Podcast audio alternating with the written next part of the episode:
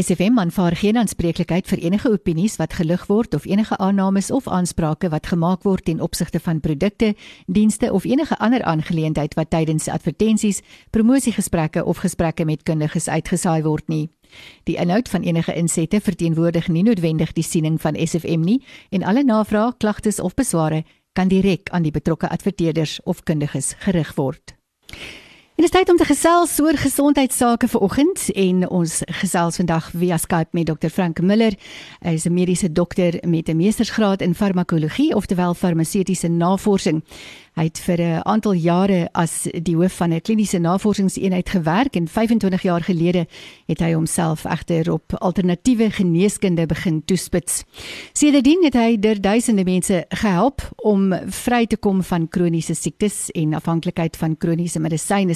Sy benadering is om sover moontlik eenvoudige natuurlike ingrepe te gebruik wat enigiemand tuis kan implementeer.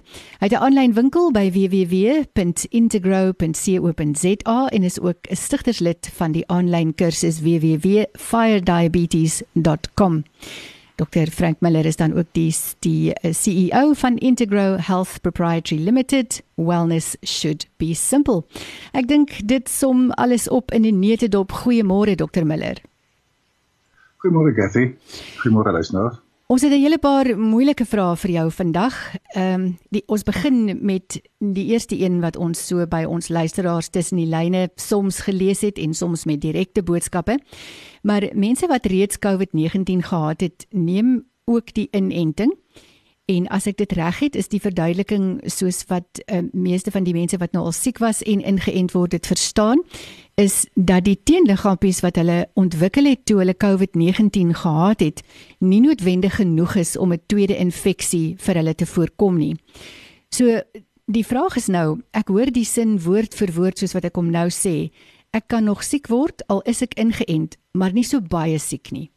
Hoe korrek is hierdie stelling? Uh sê dis 'n dis 'n redelike moeilike vraag om te antwoord want soos die Engels sê how long is a piece of string? Die kort antwoord is natuurlik immuniteit is altyd ver uh as 'n uh, intens uh, immuniteit. Die rede daarvoor is dat natuurlike immuniteit is op 'n groot klomp verskillende fronte. Dis T-selle en B-selle, daar's uh makrofage as die hele immuunstelsel betrokke om natuurlik immuniteit te skep terwyl met die inentingsimmuniteit is dit 'n beperkte B-sel immuniteit waarop daar gefokus word en dit beteken eintlik dat inentingsimmuniteit is gewoonlik van korte duur of relatief korte duur ons sien dit ook nou met uh, aankondigings wat die Pfizer en ander gemaak is dat mense waarskynlik elke 8 maande 'n uh, booster shot moet kry omdat die immuniteit nie so goed is nie. Terwyl waarop mense nou gefokus het as hulle praat van COVID immuniteit, as hulle kyk na die die B-sel immuniteit, die teenliggaampies, maar as 'n mens dan kyk na die groter prentjie, dan sien mense dat immuniteit teen COVID of ander siektes is eintlik lewenslank en Ja, daar is dan die moontlikheid jy weer 'n siekte kan kry wat deur 'n soortgelyke organisme veroorsaak word wat soortgelyke simptome veroorsaak, maar die presies dieselfde organisme is jy teen immuun waarskynlik lewenslank. As jy kyk na die teenliggaampies in die bloed dan begin hulle wel minder word, maar dit is nie volle prentjie nie. Die liggaam produseer nie teenliggaampies ad infinitum nie want dit is nie nodig nie. Hy produseer net die teenliggaampies wanneer dit nodig is. So dit is hoekom die liggaam die keelliggaampies minder word maar omdat daar 'n uh, geheuesel die T-sel betrokke is die oomblik as die patogeen weer te, te voorskyn kom dan word daai keelliggaampies onmiddellik weer binne 'n kwessie van ure geproduseer so natuurlike immuniteit lyk baie baie anderster as inentingsimmuniteit en alle praktiese doeleindes is dit ver ehm um, beter as in immuniteit. Jy praat nou van die geheuesel, die T-sel en as ek nou mooi verstaan het dan is dit nie uh dis dis nie betrokke by die inentingsimmuniteit nie. Kyk, wat gebeur as jy natuurlik blootgestel word aan 'n patogeen soos die koronavirus? Daai virus gaan op jou slijmvliese sit. Dit gaan nie in jou bloedstroom inkom nie. Oomblik as 'n uh, onbekende organisme op die slijmvliese van die neusholte of die longe uh, of selfs die mond uh, teenwoordig is, dan begin daar 'n kaskade van immuunresponse. Daar is 'n uh, IgA, daar is makrofage, daar is helper T-selle, dis 'n klomp uh, selle en en response wat betrokke is om 'n kaskade aan die gang te kry en daai teenliggaampies waaroor almal praat is die laaste stap eintlik in die kaskade. Die T-selle hou 'n geheue, hulle is 'n soort van 'n patentekantoor wat op die agtergrond sit en hulle vat dan 'n 'n 'n afdruk van die teenliggaampies en nou dit is as 'n geheue van enige siekte wat jy ooit in lewe gehad het, het hulle 'n geheue. Uh terwyl as jy nou 'n uh, antigeen, so 'n komponent van die virus onder die vel se indruk met 'n inenting. Nou word daardie antigeen aan die bloed uh bekend gestel, nie aan die slijmvlies nie. Dis 'n groot verskil. Mm -hmm. As 'n uh, antigeen in die bloed kom, dan word daar onmiddellike antiliggaamrespons uitgelok. Uh soos op in, in die spierweefsel of in die bloedstroom self en daardie immuunreaksie is dan 'n ander tipe immuunreaksie want dit is 'n ander toegangsroete wat verkry is. En dit is hoekom die twee tipes immuniteit baie verskil. Ek verstaan. Dis 'n uh, dis 'n baie volledige uiteensetting van die hele teenliggaampies vraag wat by da by so baie van ons is.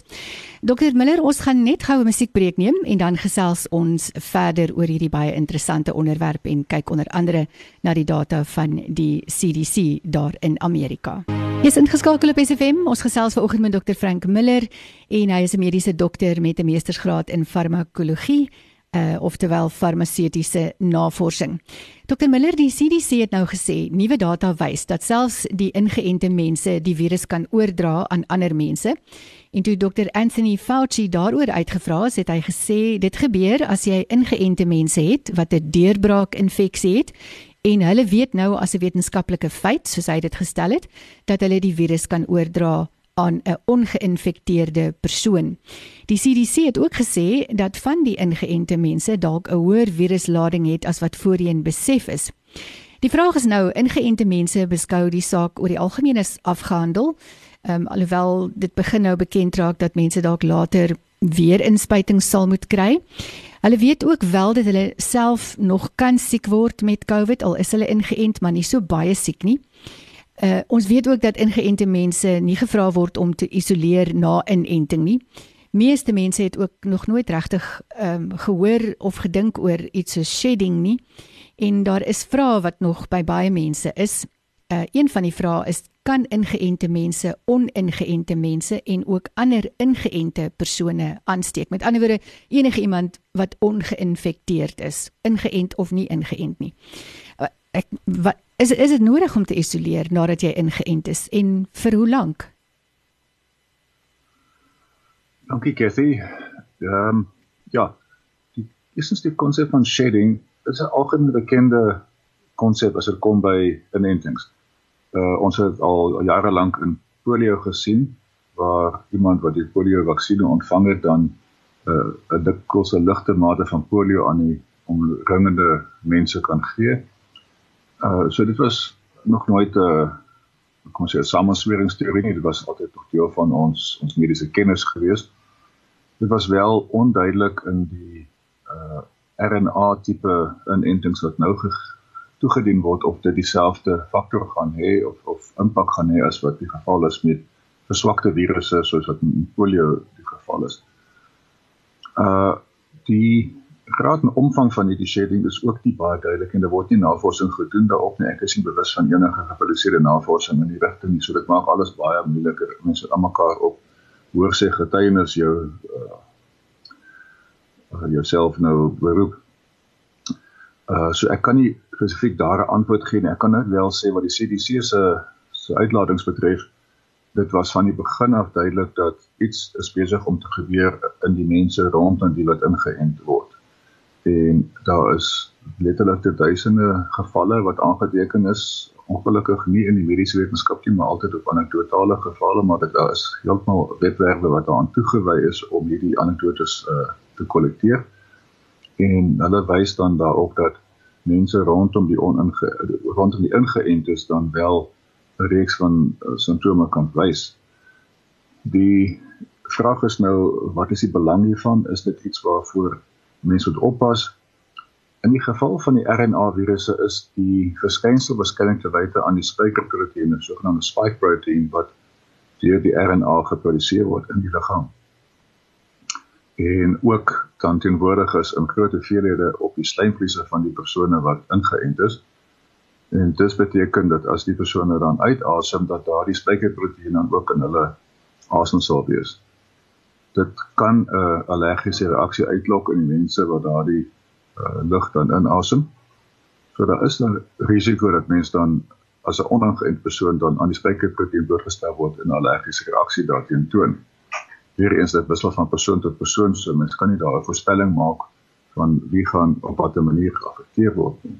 Is dit moontlik hoekom Ons het dan wel egter Excuse? Is is dit moontlik hoekom Dr Fauci dan uh, aanbeveel het dat ingeënte persone binne hulle huise weer maskers dra?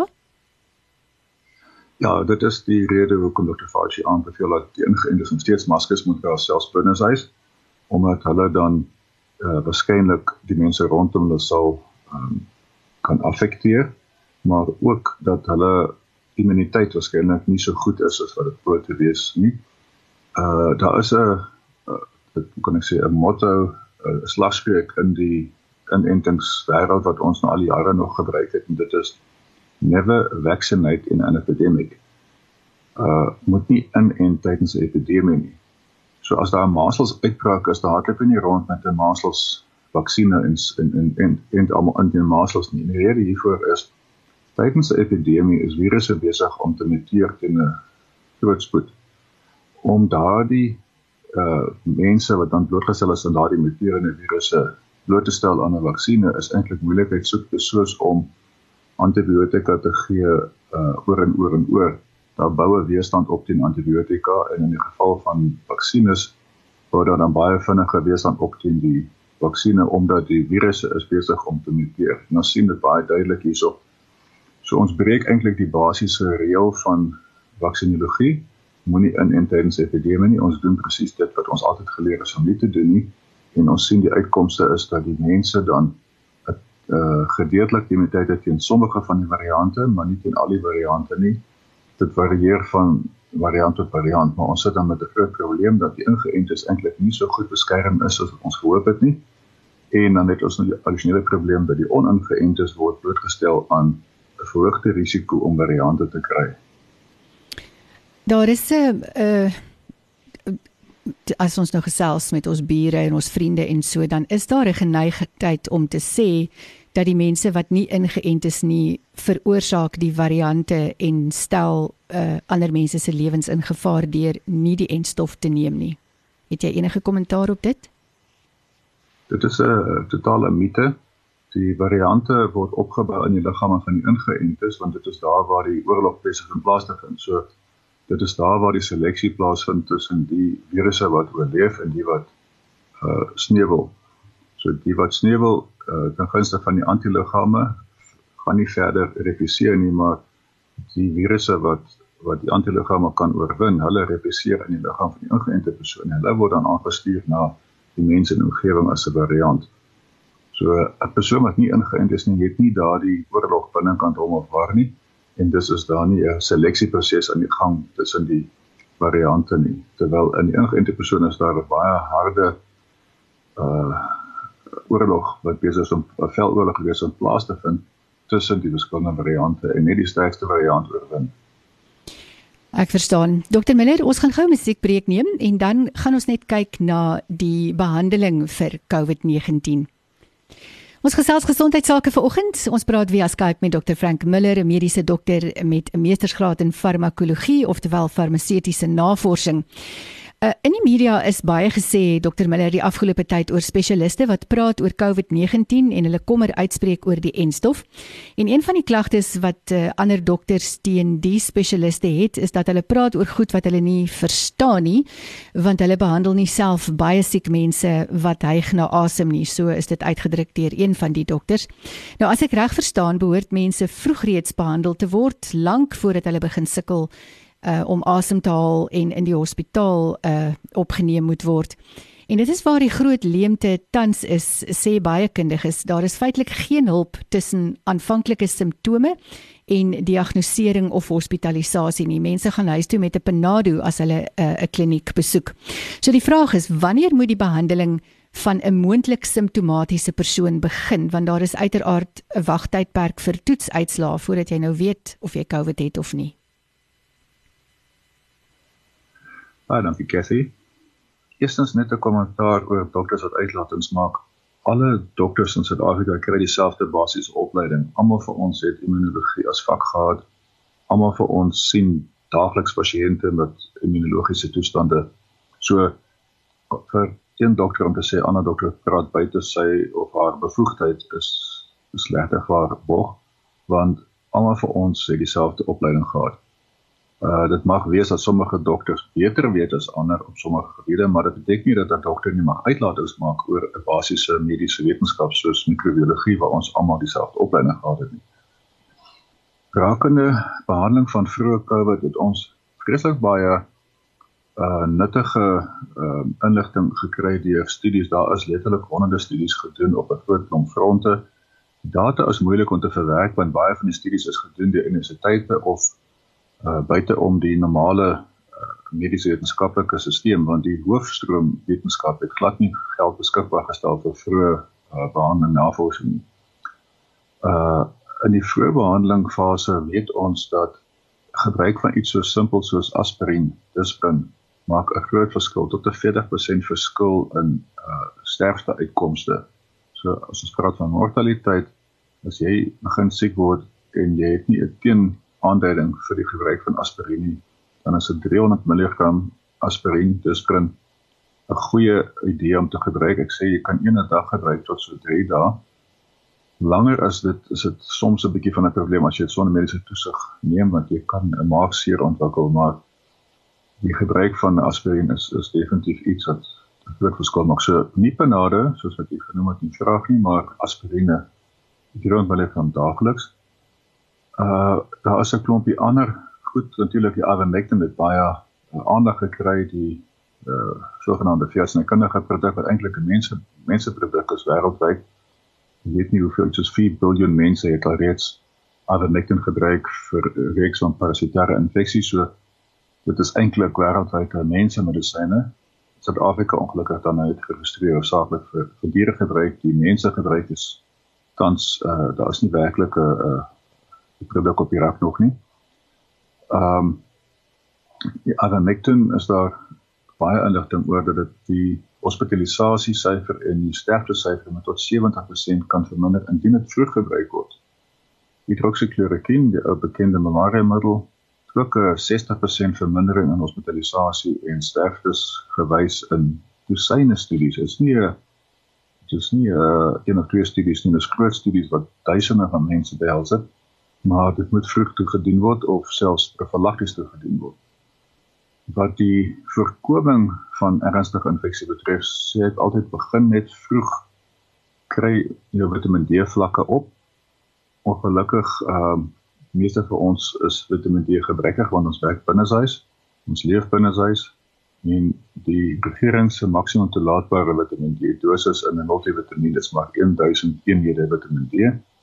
Die huidige navorsing toon dat die daaglikse behoefte is tussen 6 en 7000 eenhede Vitamiin D, so 6 keer meer as wat die regering toelaat om in 'n dosis te wees. So dit maak dit moeilik vir mense om genoeg Vitamiin D aan boord te kry om siektes soos COVID of enige ander uh wonse ligweg infeksie te kan beveg. Dit is dan Vitamiin D soos 'n donkie.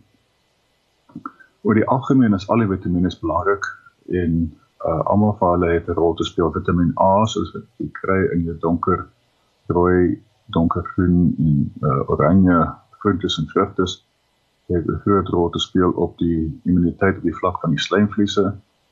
Uh Vitamiin B uh, in goeie dosisse voorkom die replisering van die virus. Uh, sink is baie belangrik en baie Suid-Afrikaners het dan begin om sink te gebruik. Die dosis daar is ideaal so 25 mg sink per dag. Nie die 10 mg wat aanbeveel word as die gewone toelaatbare hoeveelheid nie.